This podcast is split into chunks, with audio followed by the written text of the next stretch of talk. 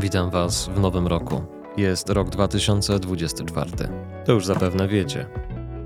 Skończył się 23 i istnieje takie prawdopodobieństwo, że skorzystaliście z tego symbolicznego domknięcia minionego roku do tego, żeby zrobić jakiś rodzaj bilansu. Takie bilanse robimy regularnie. Dlaczego zdarza nam się, że robiąc sobie te bilanse, budujemy postanowienia noworoczne, a te postanowienia na koniec kolejnego roku nie są przyczyną dużej radości, tylko budują w nas poczucie porażki albo niskiej samooceny? Posłuchajcie. Ponad 5000 lat temu w Mezopotamii stworzono system pomiaru czasu. Taki, który w jakimś mniejszym lub większym stopniu przypomina ten współczesny. Współcześnie odliczamy czas korzystając z systemu dwunastek i sześćdziesiątek, co pozwala nam na pewnego rodzaju usystematyzowanie, unormowanie rytmów dobowych. Gdyby założyć, że człowiek lubi mierzyć czas, to skupiliśmy się na tym dość późno, bo same zegarki jako urządzenia do pomiaru czasu, ci z Was, którzy oglądali podobno dosyć mocno dowcipny najnowszy serial opublikowany na Netflixie, zobaczyliście, jak pewien główny bohater przemieszczał się z wielkim zegarem, który miał dowodzić jego stanu posiadania. I rzeczywiście tak było. Ale nie w XVII wieku, tylko jeszcze całkiem niedawno. Przecież jednym z podstawowych prezentów, jakie dawano dzieciom komunijnym, to były zegarki zegarki jako przedmioty wartościowe, jako przedmioty, które budowały poczucie majątności, a z drugiej strony w jakimś stopniu też stanowiły o rytuale przejścia z bardzo wczesnej dziecięcości do takiej wstępnej samodzielności dzieciaków takich jak ja, na przykład chodzących w cudzysłowie ze sznurkiem na szyi z kluczem do domu i z zegarkiem, z komunikatem pojawiaj się co 45 minut pokaż, że jesteś pod oknami, albo przyjdź na godzinę 14, bo będzie obiad. Tymczasem żyjemy w takiej rzeczywistości, w której naprawdę przestaliśmy lubić tracić czas. Ktoś nam wmówił, że każda chwila powinna być wykorzystana na coś wartościowego. Od ostatnich kilku lat postanowiliśmy z grupą osób zajmujących się edukacją, popularyzacją nauki i zdrowego stylu życia zakładać, że te chwile, które teoretycznie kiedyś uznawane by były za zupełnie bezproduktywne, bo nie budują w cudzysłowie wartości, to są chwile, które możecie wykorzystywać na budowanie siebie, odbudowanie siebie, dawanie sobie przestrzeni na to, żeby po prostu pobyć. Bo ten czas, który jest czasem na relaks, czasami jest najbardziej wartościową chwilą, która potrafi stanowić o tym, że później, kiedy będziecie w akcji, w działaniu, w budowaniu, w praktykowaniu, w tworzeniu, ta wasza skuteczność będzie dużo, dużo większa. Mamy pewnego rodzaju płynności postrzegania siatki czasu. Ten czas płynie czasami wolno, czasami szybciej.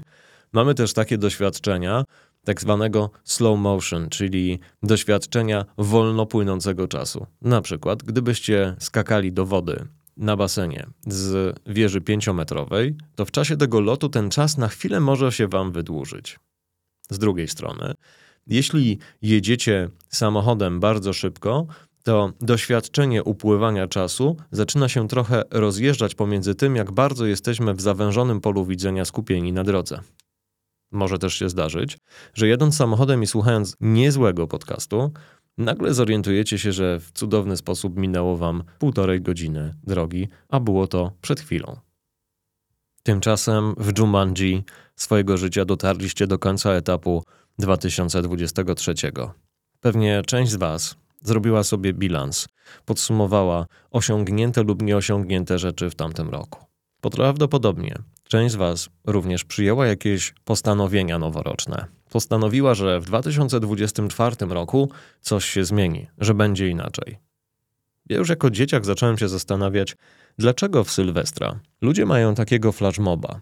Z jakiego powodu po odliczaniu od 10 do 0 wybuchają taką naprawdę szczerą radością?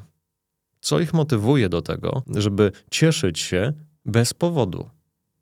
I dzisiaj zastanawiam się, czy nie wiąże się to bezpośrednio z tym, że my przyjmujemy pewnego rodzaju symbol, że ten nowy rok to jest takie nowe otwarcie.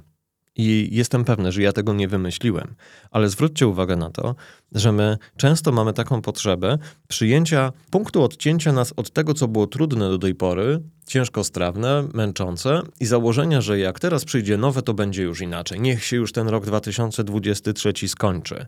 Niech już przyjdzie to nowe, niech będzie wreszcie lekko, niech będzie inaczej. Ale czy to nie jest coś, co przypomina wam zupełnie inne, znane z waszego życia okoliczności? Na przykład nowa praca, nowy związek, w cudzysłowie nowa ja. W tej całej symbolice nowości pomijamy czasami to, że nie wprowadzając żadnej zmiany, a gwarantuję wam, że pomiędzy Sylwestrem a Nowym Rokiem prawdopodobnie tych zmian nie zdążyliście jeszcze wprowadzić. Założenie, że w tym nowym roku będzie inaczej, że po zmianie pracy tam wreszcie będę doceniany, albo będzie, będę bardzo punktualny, albo w nowym związku naprawdę będę komunikować o tym, co czuję i słuchać. I nagle okazuje się, że właściwie dostrzegamy, że nic się nie zmieniło. Dlaczego? Dlatego, że zmiana musi się zacząć w nas samych. Ale my mamy jeszcze jeden kawałek, który nam robi psikusa. Ilekroć robimy bilanse, to tam, gdzie moglibyśmy czuć przyjemność z osiągniętych rzeczy, z naszych sukcesów, włącza się nieśmiertelny impostor.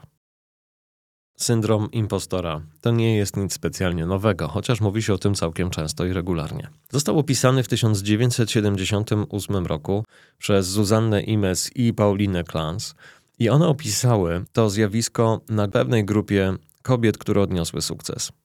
Dzisiaj, gdy myślimy o tym, kto z nas jest impostorką albo impostorem, to jesteśmy w stanie bardzo łatwo zidentyfikować się z całą grupą pewnych cech, które łączą się w tym całym zespole. Pierwsza rzecz to jest pewnego rodzaju cykl. Taki cykl, który dotyczy każdej osoby, która po osiągnięciu pewnego celu, chwilę odczekaniu tej radości z jego osiągnięcia, o ile jest ona w ogóle możliwa, zaczyna wpadać w pewnego rodzaju lęki lęki przed tym, że w sumie to może się nie udało, że może nie jest tak dobre, może jest to w sumie jakąś formą porażki. To prowadzi do kolejnego zespołu cech. Albo perfekcjonizmu, w czasie którego staramy się osiągnąć rzeczy najlepiej jak tylko możliwe, albo włącza się nam taki nadmierny przygotowywacz, taki superbohater, czyli postać, która włoży najwięcej możliwie wysiłku, byleby tylko osiągnąć swój zamierzony cel, z którego i tak nie będzie mieć siły się później cieszyć.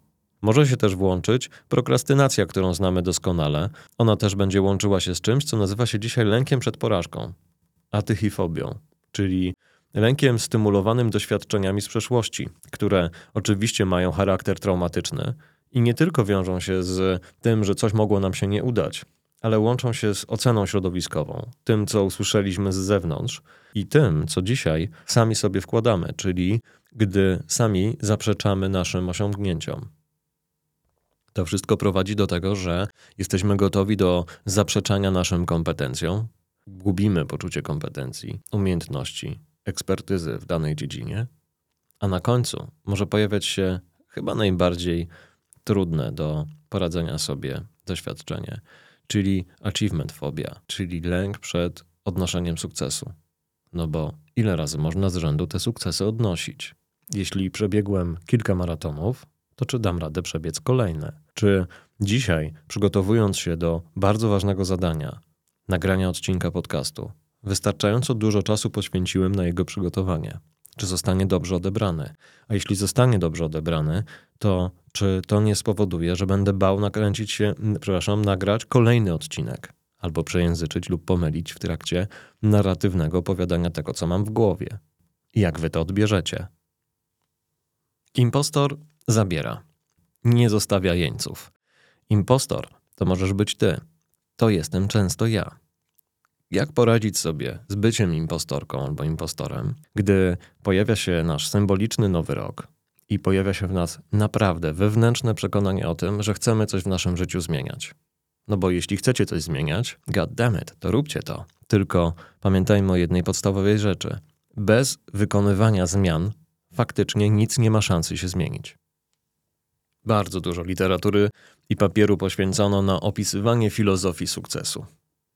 Jak odnosić sukces tak, żeby on cieszył? Z drugiej strony, jak cieszyć się sukcesem, by chcieć dalej coś robić, jak zadbać o energię i zarządzanie naszym budżetem ciała, gdy jesteśmy zmuszeni, skupieni na konkretnych zadaniach, tak żeby na końcu mieć jeszcze choć trochę tej energii do tego, żeby móc świętować. To jak Michael Phelps pływał kiedyś, bijąc rekordy, a na końcu potrafił jeszcze wyskoczyć z wody niemalże wychwytem z rąk, hops, na brzeg i skakać z radości, gdzie inni z trudem łapali oddech. To jest myśl i ciekawy idol, gdy patrzymy na elementy na przykład takiej filozofii, która oczywiście znowu nie jest nam kulturowo bliska, czyli japońskie kaizen. Nie wgłębiając się w tematy, których nie jestem ekspertem, jest mi bardzo bliskie podejście drobnych kroków. Jeśli skupimy się na konkretnych zadaniach i będziemy chcieli osiągać cele, to twórzmy je na etapy, dzieląc je na konkretne kroki. Jeśli ktoś z Was założył, co dzisiaj ja uważam, że jest najmądrzejszą i najbardziej rozsądną, w cudzysłowie modą, kocham tą modę, serio, na bycie trzeźwymi i przyjmujecie, że w 2024 roku nie dotkniecie alkoholu, świetnie. Jeśli nie robiliście tego zbyt regularnie i zbyt często w 2023. Jeśli chcecie zapanować nad swoimi popędami, mielibyście ochotę zapanować nad tym, żeby nie kusiło was łamanie swoich postanowień noworocznych, załóżcie bliższy cel dla osób oczywiście nieuzależnionych od alkoholu. W 2024 roku będę się starać ograniczyć używanie alkoholu jak tylko to będzie możliwe. Co to oznacza? Oznacza to, że przestaniecie żyć w pewnego rodzaju presji i prawdopodobnej potencjalnej porażce, bo nadal zostajecie w tak zwanym najbardziej pozytywnym procesie podejmowania decyzji. Bo urealnienie polega na tym, że w 2024 roku prawdopodobieństwo, że będziecie podejmowali te decyzje, może nie każdego dnia, ale przy wielu różnych innych okolicznościach, jest bardzo duże. W związku z tym trudno będzie w Sylwestra 2023 roku podjąć decyzję a konto całego przyszłego roku, wszystkich okoliczności, wszystkich zdarzeń, które będą przed Wami. Ja Wam życzę tego, żebyście dzielili wszystkie swoje cele na etapy, tak żeby ta filozofia sukcesu nie polegała na tym, że jak impostorzy rzucamy sobie mocny, wielki cel, sukces, który musi być przez wielkie S, na końcu którego albo zderzymy się z niemożliwością, albo z brakiem możliwości cieszenia się z niego, bo będziemy zbyt wyczerpani. A ustalcie drobne cele, drobne kroki, małe sukcesiki, które na końcu zbiorą się w jeden wielki worek powodów do satysfakcji. A nawet jeśli nie uda Wam się osiągnąć wszystkich swoich celów, to te mniejsze sukcesy spowodują, że to zabarwienie tego bilansu, który będzie przed Wami, może będzie trochę bardziej różowe. Przed nami 2024 rok. Dla części z Was może będzie celem ograniczenia używania alkoholu, dla innych zgubienie kilku kilogramów, może dla kogoś nauczenie się języka. Ja proponuję, wyjdźmy na zewnątrz, chodźcie na spacer, zróbcie kroki, bądźcie aktywni i wprowadźcie rutyny. Jeśli rutyny są czymś, co kocha nasz mózg, kocha nasz metabolizm, kochamy my jako ludzie, jako gatunek, to również te rutyny mogą być rutyną do odczuwania satysfakcji. A czymże innym będzie satysfakcja, jak nie powodem do odczuwania małego sukcesu, który na końcu 2024 roku, gdy wrócicie do tego nagrania i do swoich bilansów, zaplanowanych kartek w kalendarzu z planami na cele na 24. Mam nadzieję, że wtedy z uśmiechem popatrzycie wstecz i powiecie: Kurczę, to był fajny rok. Tego Wam życzę. Słyszymy się za tydzień.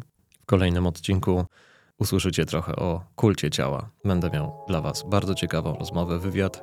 Zaprosiłem ekspertkę w tej dziedzinie, trenerkę osobistą i właścicielkę jednego z ciekawszych miejsc, gdzie można kształtować sylwetkę i zdrowe nawyki. Do usłyszenia za tydzień.